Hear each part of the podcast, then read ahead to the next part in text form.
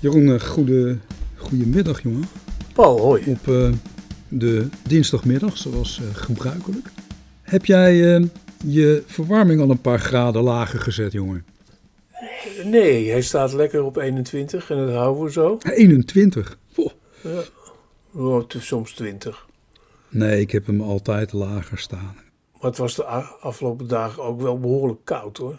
Ja, het was wel gewoon, Snijdend. gewoon winter. Hè? Ja, enorm eh, winter. Weer waar je niet vrolijk van wordt. Van eh, het gebeuren in de wereld worden we ook niet vrolijk. Ik begrijp dus wel dat er nu weer overwegingen zijn trouwens om die verwarmingen lager te zetten. Maar alles houdt, eh, wat jij al hint, alles houdt op dit moment verband met alles. Oorlog, klimaat, brandstof. Het was weer een eh, trieste week in Oekraïne. We hadden Zelensky eerst eh, in de Tweede Kamer. Daarna, maar dat lees je dan helemaal niet meer bij ons eh, in eh, onze platforms, heeft hij ook nog gesproken voor het publiek van de Grammys in Amerika. Nou, daar heb ik veel over gelezen hoor, in de kranten. En op televisie gezien. Het is maar wat je kijkt natuurlijk, hè. We hebben veel media. Ja, dat, dat is. Trouwens Dat is mij nog zo. iets heel erg opgevallen, wat eigenlijk geen aandacht heeft gehad. In de toespraak van Zelensky, dat hij aandacht vroeg voor de mensen die naar Rusland zijn gedeporteerd. En dat zijn er al heel wat. Gewoon mensen die tegen hun wil mee zijn genomen in, in bussen, door middel van corridors en alleen maar hun gebied konden ontvluchten. Dan denk ik aan Mariupol en dan denk ik aan de Donbass en de andere delen die bezet zijn in het oosten. En de mensen moesten dan naar Rusland. En familie van die mensen weet vaak helemaal niet waar die mensen terecht zijn gekomen of wat er met die mensen is gebeurd. En ik vond het heel terecht dat Zelensky ook daar aandacht voor vroeg. Zeker, eh, dat was alleen voor de openbaringen, de gruwelopenbaringen van Bucha. Dan, dan valt dat ook, ook gelijk weer weg. Hè? Dan eh, zijn, zijn die gedeporteerden ineens weer veel minder essentieel in de discussie dan de doden van Bucha. Ik weet het niet, want misschien valt het wel onder de- dezelfde noemer te brengen. En dat is de Russificatie. Hè? Eh, mensen schrik aanjagen, mensen uit de bezette gebieden jagen. Om die eh, gebieden ook daadwerkelijk in handen te krijgen, ook bestuurlijk. Ja, Daar past ook die terreur in. ja. Nou ja, dat is natuurlijk ehm, eh, maar de vraag of dat op termijn lukt, hè? Die Russificatie. Nou als je ziet hè, wat, wat, wat je nu in, in Bucha zag, die verschrikkingen van de oorlog. En dat is, dat is pure terreur. En die terreur die wordt ingezet als een oorlogswapen. En daar zijn de Russen mee bekend. Gewetenloze huurlingen, die deinzen daar ook niet voor terug. En het, het is ook een, een manier om de Oekraïners gewoon echt schrik aan te jagen. En als er nu in de Donbass weer meer aanvallen komen, dat de mensen zeggen, ja, de Russen komen, we, vluchten weg, we gaan er vandoor. Ja, en dan, dan kun je aan de andere kant mensen uit Rusland daar eh, laten wonen, of eh, ja, wat er nog van over is. En dan krijg je zo'n gebied toch wel vast in handen hoor. Ja, maar dat zal dan toch gepaard moeten gaan met enorme volksverhuizingen. Wat er, wat, wat er Nou, nu... dat is toch gaande? Dat is toch gaande? Het gaat, het gaat om, om, om miljoenen mensen eh, die op de vlucht zijn. Ik kan het heel moeilijk beoordelen. Er zijn ook een, eh, een kleine proportie die weer terugkeren naar Kiev. Alleen Ja, naar dat- Kiev, dat, dat, dat, zijn, dat is ook logisch. Hè? Mensen hebben huis en haard achtergelaten. En die zijn alleen gevlucht uit angst voor de bommen. En nu die niet meer vallen, dan gaan ze graag terug. Ik ken ook iemand die eh, onmiddellijk is teruggegaan. Tot verdriet van de rest van de familie. Maar die zegt, ja, ja ik wil daar ook als, als vrijwilliger aan de gang. Ik wil terug naar mijn huis. Ik wil terug naar mijn vrienden en vriendinnen. Ik wil in mijn, mijn eigen omgeving weer zijn. En dat kan nu ook, want het is daar relatief veilig.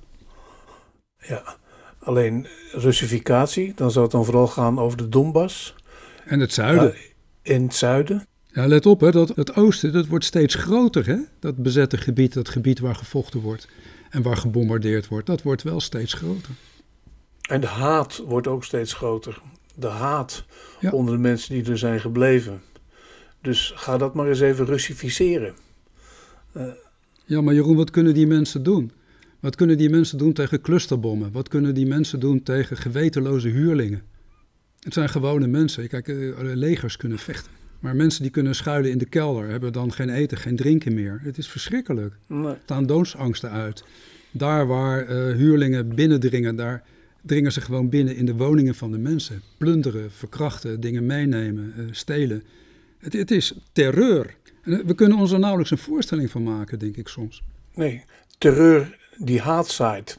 Dus Russificatie veronderstelt dat dat uh, zou doorgaan na een wapenstilstand en zonder uh, verdere aanvallen. Veronderstelt dat de bevolking die achterblijft uh, zich daarin zou willen schikken. Nou, daar geloof ik niets van. Jeroen, kijk eens naar wat er de afgelopen uh, jaren is gebeurd in de Donbass. Daar hebben Russische gezinden en Russische bestuurders een schrikbewind uitgeoefend. En daar zijn ook bijna een miljoen mensen weggevlucht. Onderschat het niet. Dit is gaande. En dit is al uh, bijna zes jaar gaande.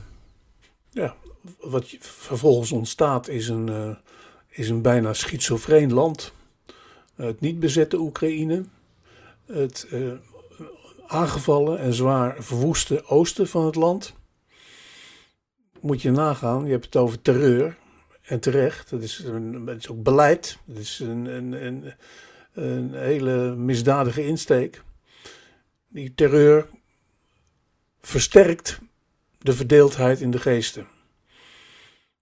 Dus ja, ik weet niet uh, hoe dit zou kunnen slagen, die Russificatie. Uh, behalve dat uh, Poetin er voor een deel in zich is geslaagd om een heleboel mensen weg te jagen. Nou, dat is Russificatie. En zal dan datgene wat overblijft, inderdaad met bloemen in de handen omarmen wat er in hun provincie gebeurt? Ik kan het niet beoordelen. Nee, natuurlijk niet. Dit is bestuur en je onderwerpen aan het bestuur, je onderwerpen aan de Russische richtlijnen. Eh, met harde hand optreden. Er is, er is in, in de Donbass al met harde hand opgetreden tegen mensen. En vergis je niet, Rusland is een groot land en kent heel veel mensen die dit, dit, dit soort functies ook gaan uitoefenen. Kijk, als je eigen soldaten, en ik heb het met name over huurlingen, hè? Denk aan zo'n Wagnergroep. Zo'n Wagnergroep die ook een reputatie heeft opgebouwd door gewelddadigheden in Syrië. Denk eens aan Aleppo, waar geen steen meer op de andere stond. Die mensen die zijn op een bepaalde manier ook gewetenloos geworden, maar ook gebonden aan de leider. Die gewetenloosheid die kan straffeloos zijn door trouw aan de leider. En die mensen zijn ook vaak bang voor de repercussies als de leider valt. Dus dat geeft ook een, een bepaalde stevigheid binnen zo'n groep. Loyaliteit. Wat is de Wagnergroep ook alweer, voor die luisteraars die het niet weten precies? Nou, de Wagnergroep, en dat is een, een, een soort privéleger.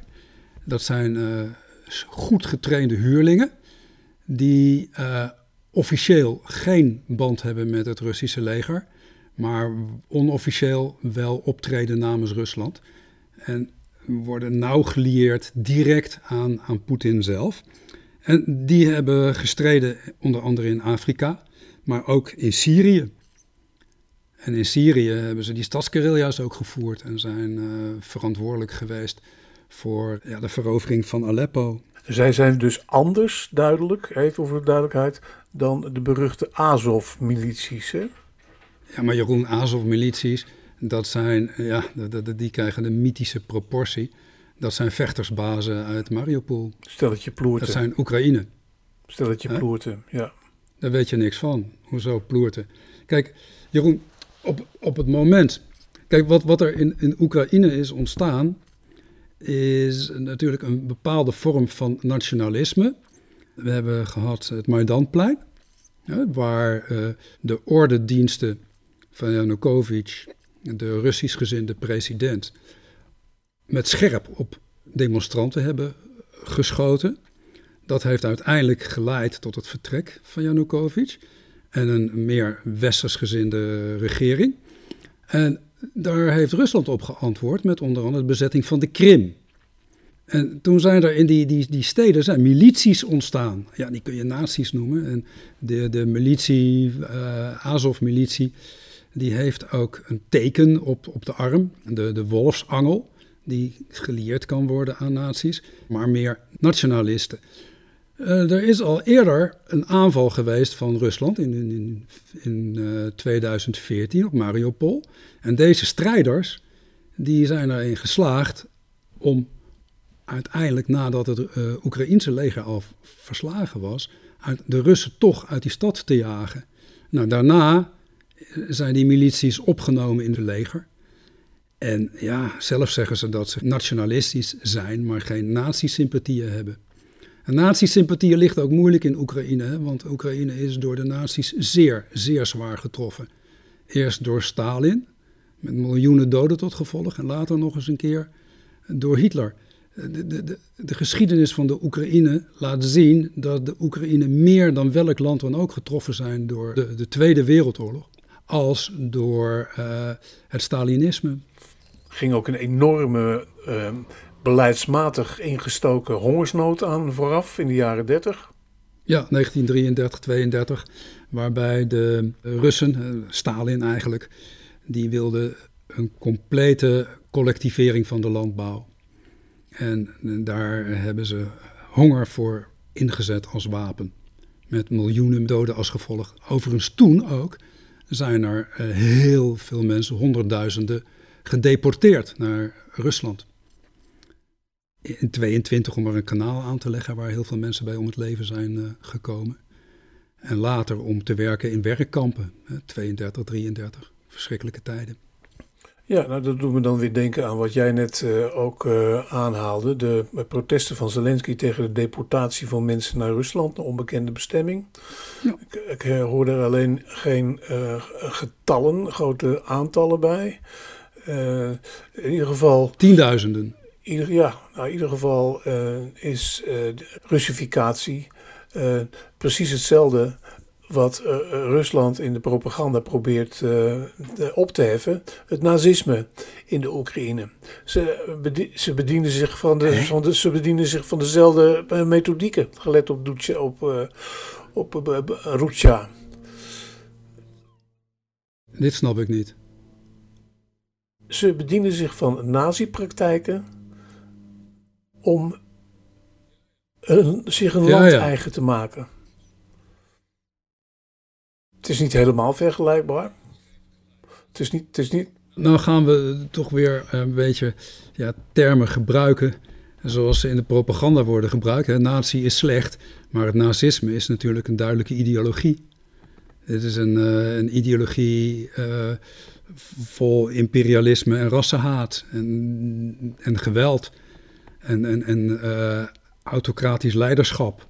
En ik denk dat je, dan, dat je daar toch uh, voorzichtig moet zijn om al dat soort termen op een hoop te gooien voor alles wat slecht is.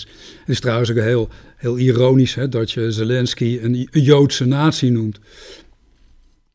Want nazi, nazisme is, is uh, een van de basiskenmerken van nazisme is antisemitisme.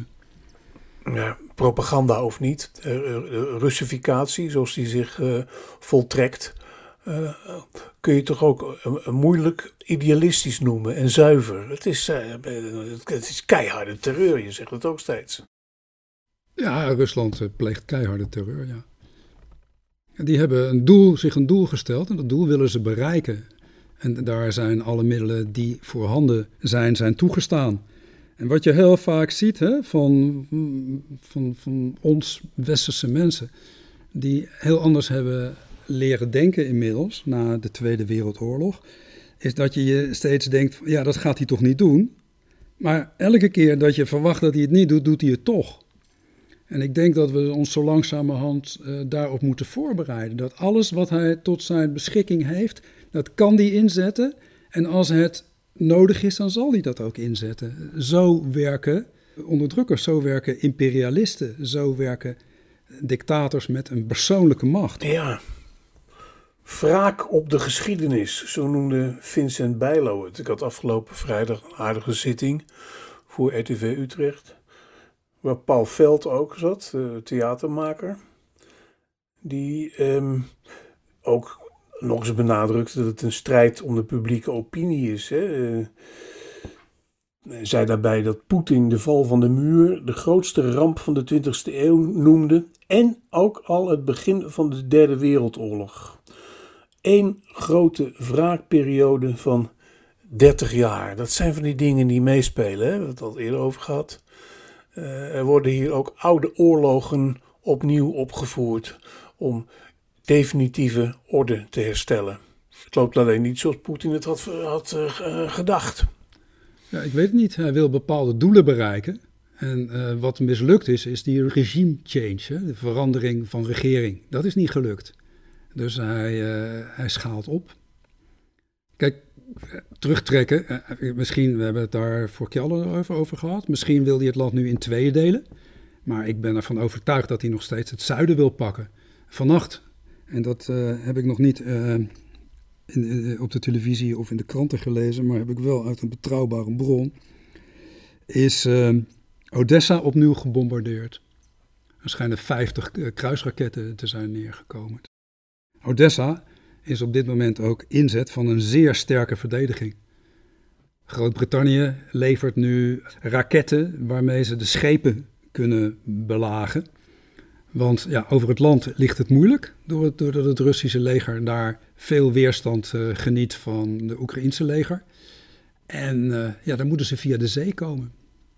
Ik zag er vorige week ook al eentje in brand staan daar in die buurt, in de, in het, in de zee. Ja, ja, ja ze, hebben, ze hebben bij, uh, daar, daar in de buurt van, van een andere plaats, ik denk Mikhailov, denk ik, hebben ze wel degelijk een een voertuig, een, eh, een landingsvoertuig eh, hebben ze geraakt. Maar je had het net over Poetin. Hè? Wat, je, wat we ook altijd moeten bedenken, dat het hier gaat om een man met persoonlijke macht. Iemand die al heel lang aan de macht is. En het is voor hem natuurlijk ook met alle misdaden die hij op zich geweten heeft. Dat gaat niet alleen om Oekraïne, dat heb ik al gezegd die landen om hem heen, die zijn ook al bezet, die zijn ook gerussificeerd. Denk eens aan Tsjetsjenië. Denk eens wat er gebeurd is in Syrië. De man die, we roepen nu allemaal, ja, we slepen hem voor het gerecht. Ja, hij wil uit handen blijven van het gerecht, koste wat kost. En die heeft het dus nodig om in eigen land een publieke opinie te houden die op een bepaalde manier gunstig is gezind. Daar zet hij alles voor in. En een buitenlandse oorlog is daarvoor ook een heel goed middel. En eigenlijk bedient hij zich van dezelfde slogan als uh, uh, Trump: Make Russia Great Again. Mm. De oorlog tegen Tsjetsjenië gehad. heeft ook vier jaar geduurd en was echt een grote oorlog. Nou, Georgië, allerlei kleinere conflicten. En nu een grote oorlog in uh, Oekraïne. Dan ook zijn magisch denken, hè, binnenvallen op de 22e, de dag dat Janukovic het land uh, verliet. Uh, eh, 9 mei, de, de, viering van de grote bevrijding van de nazi's. Een, een, dag die in Rusland altijd gepaard gaat met grote parades in Moskou. Dus een, een soort ja, Russische koninginnedag. op die dag zal hij toch wel met een resultaat willen komen. Dat verwacht ik althans omdat uh, dictators vaak zo denken. Met nog een kleine maand te gaan dus. Ja. ja. Dan hebben we nog we hebben de terreur van nu. We hebben nog chemische wapens. Heeft hij al eens gebruikt bij het vergiftigen van tegenstanders. Uh, we hebben uh, radioactieve wapens. Heeft hij ook gebruikt, bijvoorbeeld bij het vergiftigen van Alexander Litvinenko, polonium. Hè? Dus het, het, is er allemaal. Het, het, is, het is griezelig hoor, Jeroen. voldoende reden om hem als een Milosevic naar Den Haag te transporteren. Ja, daar wil hij juist wegblijven. Hoe wou je dat doen? Ja, natuurlijk. natuurlijk. Hij heeft nog steeds de steun van China. In China, daar schijnt men op de televisie al uh, de, de, steun voor, voor Poetin, de machtige leider, te vragen. Ja, alleen wil China de oorlog niet. Ik denk dat ze ook wel met veel belangstelling kijken hoe het Westen reageert. China heeft natuurlijk ook nog steeds belangen bij de Zuid-Chinese Zee en, eh, en, de inlijving van Taiwan. En hoe reageert het Westen? Kijk, je ziet nu dat het Westen eigenlijk een uh, leem duk is. We kunnen zo ontzettend weinig doen. Wapens leveren. Maar we echt, echt ingrijpen kunnen we niet. Nee, daar speculeert Poetin natuurlijk ook voortdurend op. Maar het land zelf is een lame duck, uh, economisch uh, gesproken. Nou, ook dat valt wel mee. Want als je nu ziet, de roebel is gewoon op dezelfde waarde als het eerst was. Doordat de olie en het gas zoveel duurder zijn geworden, nemen die inkomsten navenant toe. Nou, kijk eens hoe Nederland erin slaagt om om te gaan met die uh, sancties. Maken er niks van. We hebben nu een coördinator noem, nodig. Stefblok. Na, na, een maand, Jeroen. En een maand wat iedereen de kans heeft gekregen om al zijn uh, belangen af te bouwen en weg te sluizen. We maken er niets veel van nog, tot nu toe. Dat is precies wat de handelsnatie Nederland mm -hmm. Nederland maakt. Eerst alle belangen veiligstellen. Er zullen ook wel Nederlanders zijn die op, op hun beurt ook weer grof verdienen aan deze oorlog. Ik weet niet precies wie, maar de handelsgeest kennende. En ik vraag me af of de sanctiecoördinator Blok uh, daar voldoende instrumenten voor heeft om dat helemaal in te dammen. Dat betwijfel ik zeer. Het is, de eerste, het is in de eerste maand al niet gelukt. Nee, en waar we het natuurlijk ook al eerder over gehad hebben, is dat uh, Rusland voldoende autocratische regimes hebben die Rusland willen steunen. Ten eerste hebben ze een eigen achterland, wat heel groot is. Nou, daarnaast hebben we China, nou, Venezuela, uh, landen in Afrika, Syrië, delen voormalig Joegoslavië. Er is nog van alles mogelijk. Tegenlicht van de VPRO werd uh, op maandagavond in ieder geval wel duidelijk dat China in militair en economisch potentieel veel verder is en eigenlijk veel groter dan Rusland in het Eurasiatisch verband. Dus uh, vraag me af uh, hoe, dat, hoe dat verschuift. We leven in een tijd waarin het, het, het krachtigste wapen de doorslag kan geven. We leven niet meer in een tijd van, van troepen. Maar vergis je niet, hè? Rusland heeft nog heel veel troepen achter de hand. We zijn er nog niet. Ik weet het niet. Ik weet het niet. Wat Odessa betreft, uh, dat zou de komende week kunnen uitgroeien tot zo'n nieuwe symbolische stad van verzet. Ja. We hebben uh, natuurlijk alle beelden al gezien van sterk ingepakte monumenten en standbeelden en gebouwen. Ja, mijnenvelden voor de kust. Zullen een voorbeeld hebben genomen aan Kiev, aan de onverzettelijkheid. En de Russen die hebben natuurlijk inmiddels de eerste vijf weken wel geleerd waar ze tegen op moeten vechten. En de strategie zal degelijk anders moeten zijn. Ja, Odessa is in de geschiedenis van Rusland ook een belangrijke stad. Een, een stad van uh, Catharina de Grote, een, een stad van Russische grandeur ook. En het volkomen bombarderen is natuurlijk niet de eerste optie geweest van de Russen. Maar ja, moment dat ze het echt willen hebben en de economie van Oekraïne echt plat willen leggen, vergis je niet, hè, 70% van Oekraïnse import en export is zeevracht. En het grootste gedeelte eh, daarvan neemt Odessa voor zijn rekening. Nou, Mariupol is een, een, een verwoeste haven inmiddels. En ook uh, Sebastopol op de Krim, wat een belangrijke haven was, is voor Oekraïne verloren. Dus Odessa is nu wel een heel belangrijke, belangrijke stad hoor. En als het tot die tweedeling komt en je kunt zo'n land, zo'n land lam leggen, ja, dat is, dat is dan, ja, dan is het uitstel voor de volgende fase. Het is, uh, het is, het is triest. Eigenlijk zijn we al een beetje in een, soort derde wereldoorlog beland. Want we hebben er allemaal mee te maken. Dit werd ook weer geopperd hè, op basis van de beelden uit Rutsja afgelopen zondag. En daar moet je er zo vreselijk uh, voorzichtig mee zijn. Uh, werd aanvankelijk ook nog in twijfel getrokken of het allemaal wel klopte. De Russen voorop natuurlijk, maandag, allemaal nep. toen heb ik maandagavond, omdat ook in Nederland zelf bepaalde mensen zich of afvroegen of het allemaal wel echt was. Hè? ze gingen mee met het verhaal van de Russen. Dat een paar van die lijken bewogen. Nou, dan ga ik toch eens even kijken. En dan zie je dat er niet een lijk beweegt, maar dat er een soort van reflectie op een raam over dat lijk heen schiet. Het was in ieder geval allemaal voldoende om ook weer uh, heel, met heel militante taal over een derde wereldoorlog te beginnen. Daar moet je er zo ongelooflijk secuur in zijn om uh, uh, de, de juiste waarheidsvinding te plegen. We zitten er al een beetje in. Kijk eens naar onze inflatie. Kijk eens naar uh, alle verhalen. Kijk eens naar de vluchtelingenstromen. Kijk eens naar de, de, de verdeeldheid of verharding, ook in westerse samenlevingen. Uh, kijk eens naar de, de, de overwinning van Orbán in uh, Hongarije. Wat, dat, wat zal dat gaan betekenen voor de Europese Unie?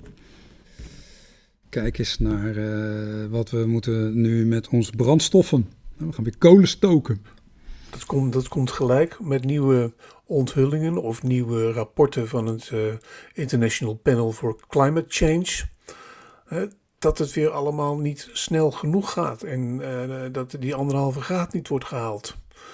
Dan zie je dat juist de oorlog weer aanzet geeft tot het heropstarten van kolengestuurde centrales. Van centrales op kolen. Ja. Ja, je zei terecht, alles hangt op het ogenblik met elkaar samen.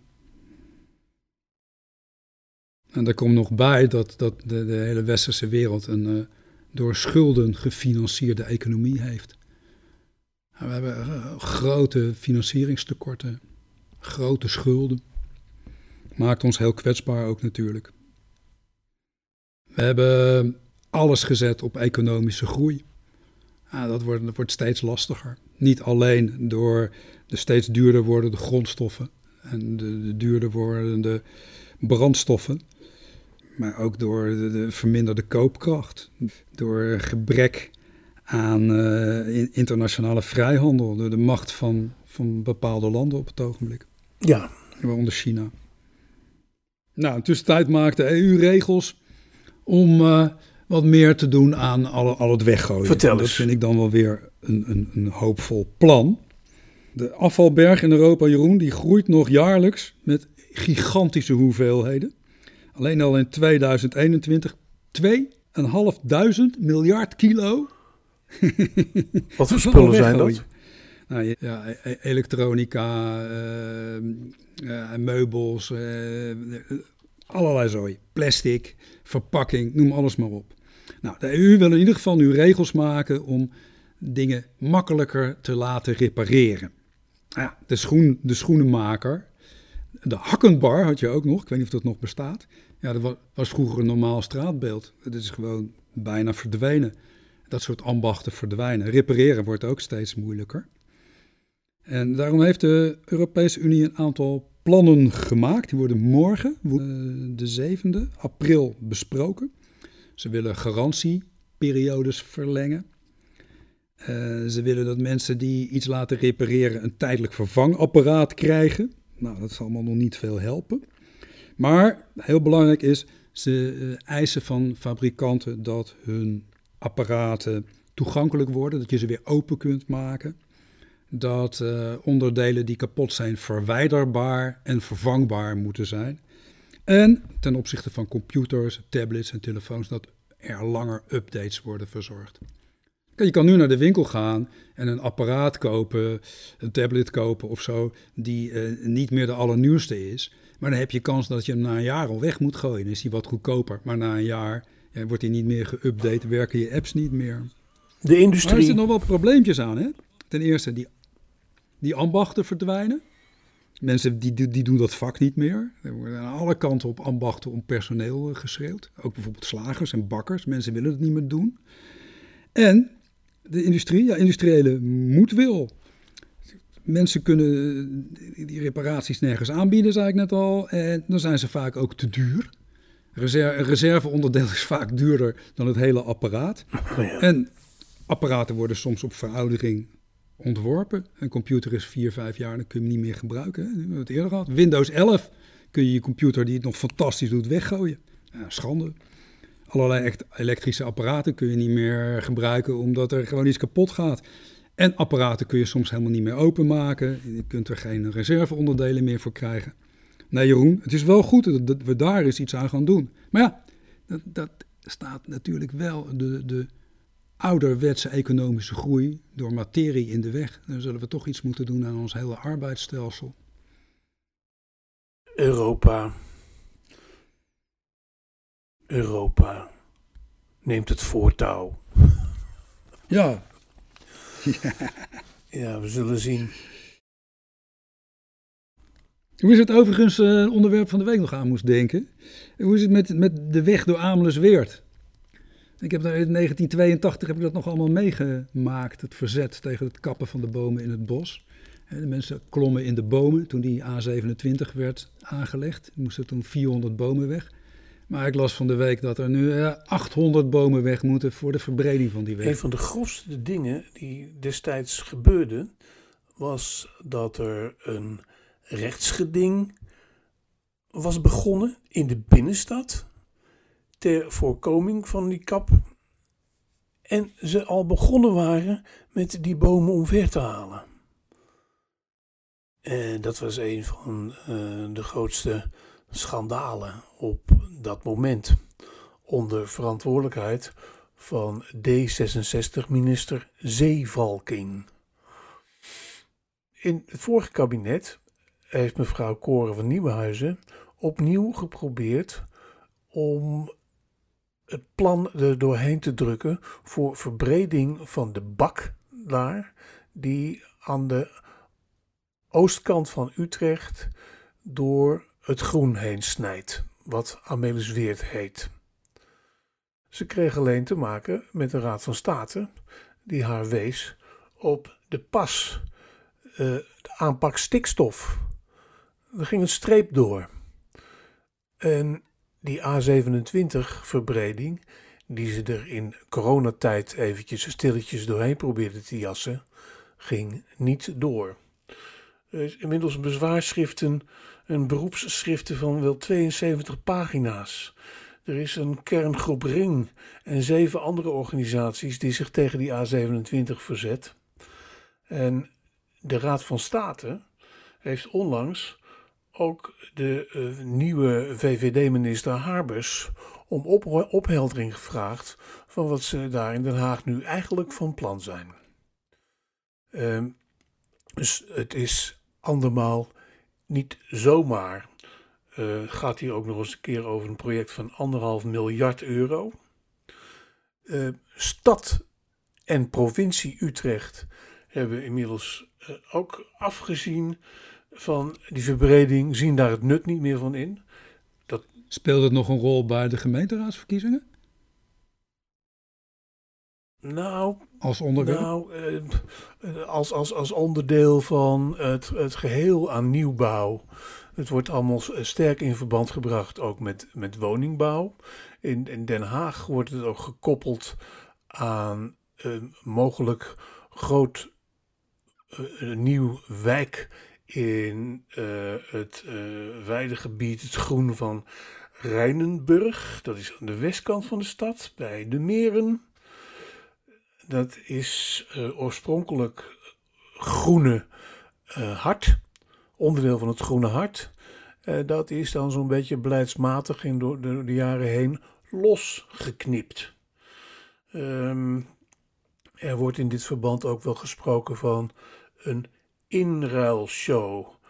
Eh, een alternatief voor de A27 tegenover bouwen in Rijnenburg. Ze zijn er nog niet van af, omdat ehm, Harbers Den Haag ook nog te maken heeft met behalve genoemde partijen en eh, kerngroep Ring en zo, met die provincie en stad Utrecht, die die verbreding dus helemaal niet ziet zitten. En ehm, de minister heeft toch rekening te houden op een bepaalde termijn met alternatieven aangedragen door de provincie. Nou ja, die liggen er ook in stapels hoog. Uh, ik ken die ring daar uh, heel goed. Ik rijd er toch uh, regelmatig doorheen, door die bak. Het is heel wel voorstelbaar dat die A27 daar naar tweemaal zes banen gaat in dezelfde bak. Kunnen ze geen dubbel, dubbeldeks maken, joh? Zie je in Amerika vaak, hè? Twee wegen boven elkaar. Ik weet niet eens of dat voorstel er is. Oh, misschien een goed idee. Het zou, het zou inderdaad een goed plan zijn. En ik, ik, ik maak, ja, het is, jij, jij oppert dat nu. Nou, ik, ik, vraag me af of ze dat uh, ook in die plannen hebben. Maar waar ze nu nog toch het meest naartoe gaan, is uh, die, die uitbreiding van de bestaande bak naar twee keer zes. Toen die eerste, weg, uh, eerste keer die weg werd aangelegd, hè, dat begon zo halverwege de 70 jaren, die plannen. Ja, toen was Amelisweert, dat waren de, de, longen van Utrecht. Dat was voor iedereen een heel belangrijk uh, natuurgebied. En toen was er enorm verzet. Hè? Was studentenstad, jonge mensen. Het was ook de tijd van het massale protest. Mensen die hebben zich uh, vastgeketend aan bomen, bouwden daar uh, hutten, bezetten het bos. Hoe is het nu? merk je iets van verzet onder de bevolking? Bestaat dat nog? Zijn er nog studentenorganisaties die zich inzetten? Ja? Heel groot, heel groot. Ja, heel groot met, met uh, vooral uh, grote ludieke acties en demonstraties in Amelisweert. Mensen die de bomen weer omarmen. Mensen die aankondigen dat ze de bomen wel weer willen inklimmen. En, en daar zijn nog steeds mensen bij van toen die, dat is nu dus 30 jaar geleden, 40 ook al hebben, ja, ja. 40, 40 jaar, die ook al uh, zich met uh, protest bezig hielden. Eh, dit zijn niet, moet je niet zomaar wegzetten als uh, uh, langhaardige, langharige alternatievo's. Nee, dit zijn mensen die in de loop van de jaren enorme kennis hebben opgebouwd van die hele problematiek. En het hele terechte bezwaren maken en met um, reële alternatieven komen. Ik verbaas me er toch ook over dat de politiek niet meer nadruk legt op het belang van natuurbehoud, hè? juist in deze tijd. We hebben het ons lesje wel geleerd hoe, slecht het gesteld is met uh, onze natuur op het ogenblik. Natuurlijk, maar er komt voor Utrecht de, de woonproblematiek bij. Utrecht is, heeft enorme groeiambities. En die hebben ze deels, deels planmatig opgelost door binnenstedelijk uit te breiden. Alleen doen ze dat zo dat uh, voor mensen met een eh, smalle beurs nauwelijks iets betaalbaar meer, eh, iets betaalbaar meer te huren of te, te kopen is.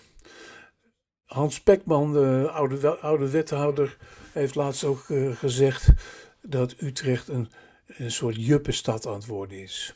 Nou, vervolgens, vervolgens komen de alternatieven. En um, kun je natuurlijk op termijn wel op wachten dat ze dat Rijnenburg aan het westen van de stad toch gaan volzetten. Waar nu ook een alternatief voor dat groene gebied wordt geponeerd als een enorme uh, lapgrond voor windmolens en zonneparken. De alternatieve energie die ook nodig is. Zo zie je maar weer, alles hangt met alles samen. Ja, dat is, dat is, dat is correct. Ja, ja absoluut. Ja.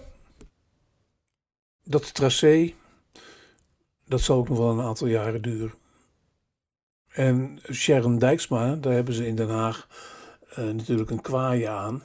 Want zij kent als een huidige Utrechtse burgemeester mister, de ingangen daar heel goed. En ze weet haar weg ook buiten medeweten van de actiegroepen. En vermoedelijk ook met instemming van de actiegroepen heel goed te vinden. Nou, hopelijk komt er een goed uh, alternatief, uh, Jeroen. Hey, tot besluit, jij wilde iets vertellen over een, een belangrijke verzetsheldin die de laatste tijd wat, wat extra aandacht heeft gekregen omdat er een boek over haar verschenen is.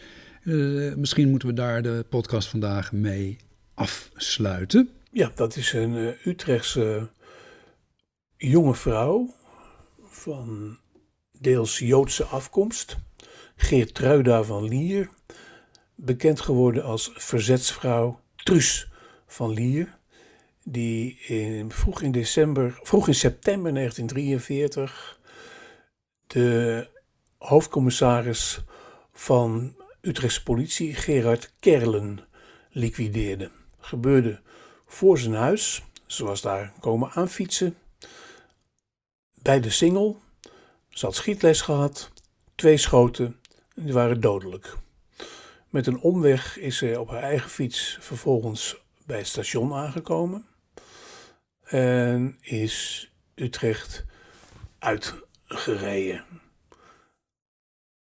Er was alleen maar een signalement. Donkerblond, krullend haar en een geruite stoffen jas. Ze is in Haarlem terechtgekomen. Daar heeft ze mensen van haar groep CS6 ontmoet. En ook een Jodin die eerder was gepakt en zogenaamd wegens gebrek aan bewijs weer was vrijgelaten. Irma Selig, die heeft haar verraden. Het was uh, het einde van een hele moedige, moedige vrouw, die als studentenrechten en ook een lang traject achter de rug had van groeien in dat verzet. Dat voor de oorlog was ze al uh, behoorlijk verontwaardigd geraakt als gymnasiaste door de jodenvervolging die plaatsvond en die, begon, die was begonnen op grootscheepse schaal in Duitsland. Bij het begin van de oorlog is ze geschokt geraakt door de zelfmoord van een viertal familieleden die er niet in slaagden om uit IJmuiden naar Engeland te ontsnappen en daarna in pensioen in Haarlem zichzelf van het leven hebben beroofd. Daar kwam daarna de nazificering van allerlei onderwijsinstellingen en andere instellingen bij. Genoeg voor haar om sterk gemotiveerd te raken om het verzet in te gaan bij die groep CS6. Was er nog een uh, directe aanleiding waarom ze die uh, hoofdcommissaris doodschoot? Was het een NSB'er? Was het een, uh, iemand betrokken bij razzia's? Of weet je dat? Man maakte zich als NSB'er heel erg hard voor de jodenvervolging. En de ordendienst, een onderdeel van het verzet bestaande uit oud-militairen, had hem hoog op een lijst gezet van gevaarlijke mensen. Bij de toename van de jodenjachten, ook in Utrecht, uitgevoerd door een centraal comité van jodenjagers, waaronder een zekere Smorenburg, maakte het uh, noodzakelijk om uh, sneller orde op zaken te stellen. En hier kwam dus ook uh, een dilemma aan bod, waarbij ik ook, toen ik dat las, heel sterk aan de huidige gruwelijke actualiteit in Oekraïne moest denken. Ehm, dat was naar lezing van ehm, Communistisch Manifest, maar ook werk van grote Fransman als André Malraux, waarin de vraag werd gesteld of je moet moorden om andere moorden te voorkomen. Trus van Lier die heeft toen opgemerkt: Je kunt me roekeloos noemen, maar ik geloof in het goede van de mens en ik ben bereid daarvoor te doden. Dat, ja, de strijd tussen geweld en moraal. Hè? Dat zijn de grote dilemma's. Wat, is de, wat zijn de gevolgen geweest van haar daad? Dat was natuurlijk een relevante vraag op zo'n moment de Duitsers waren erg tuk op uh, represailles. Maar die zijn in Utrecht uitgebleven. Executies van vrouwen waren ook taboe onder de Duitsers. Om de publieke, op, publieke opinie nog niet eens extra uh, tegen henzelf te laten oplaaien. En daarom is het in dit geval bij uh, wraakexecuties. daarom is in dit geval geen wraakexecuties uh, gepleegd. Maar hebben ze dus met behulp van die Jodin, de verraadster, Truus van Lier opgepakt. Ze heeft een schijnproces gehad zonder enige verdediging. Notabene als rechtenstudenten. Ja. ze is verraden? Opgepakt, in een, een isoleercel gezet naar, uh, bij de Amstelveense weg, Amsterdam. En samen met mm -hmm. twee andere vrouwen, en Nel Hissink en Reinaar Prinsen-Geerlichs, later bekend geworden door de literaire prijs die haar naar haar genoemd is, naar Sachsenhausen vervoerd. En daar in oktober 43, dik een maand na de liquidatie van Kerlen, geëxecuteerd, gefusilleerd. Je zegt net, ze is uh, verraden door een Joodse vrouw. Wat was het belang van die vrouw? Uh, het, het, belang was uh, dat zij zelf kon worden gefusilleerd als ze haar werk niet deed. Ze was al eerder opgepakt. En ze hadden haar okay. losgelaten onder dreiging van consequenties voor zichzelf. Ze speelden een dubbelrol. Er is nu ook een boek verschenen over haar leven. Ja, er waren er een paar. Dat is uh, tegelijkertijd naast elkaar. Er is een boek verschenen van tweetal uh, docenten. Kees van Domselaar en Michiel van Dichelen. Alleen die komen niet veel verder dan het uitpluizen van de schaarse documentatie. Jessica van Geel, heeft het anders aangepakt. Uh, met uh, behulp van uh, romantechnieken en onderzoek naar de omgeving van Truus van Leer en hoe andere verzetsvrouwen en verzetslieden hebben gewerkt, heeft ze een biografie van gemaakt die leest als een roman. Um, relatief korte hoofdstukken. En voor mensen uit Utrecht, zoals ik, maakt het nog uh, extra inzichtelijk. Um, omdat er zoveel adressen worden genoemd die nog bestaan. Jessica, Geel, Jessica van Geel was uh, notabene begonnen eerst aan een onderzoek uh, voor een, grote publicatie over Truus Schreuder, de partner van Gerrit Rietveld, die uh, het monumentale witte pand hebben gebouwd aan de Prins Hendriklaan, naast een reeds bestaand bakstenen huis, dat nu fungeert als ticket office om binnen te komen in dat Rietveld Schreuderhuis. Maar dat bleek de ouderlijke woning te zijn van de familie van Lier. Trusje van Lier, het meisje met de vergeet me niet ogen, volgens Trus Schreuder, heeft daar gewoond. En heeft daar ook nog um, bijeenkomsten van de verzetsgroep CS6 meegemaakt. Niet nadat ze een paar briefjes had gestuurd voor de oorlog aan buurvrouw Truus. Nou dat zijn dan de, de geringe um, documenten die nog beschikbaar stonden, ook eh, voor Jessica van Geel.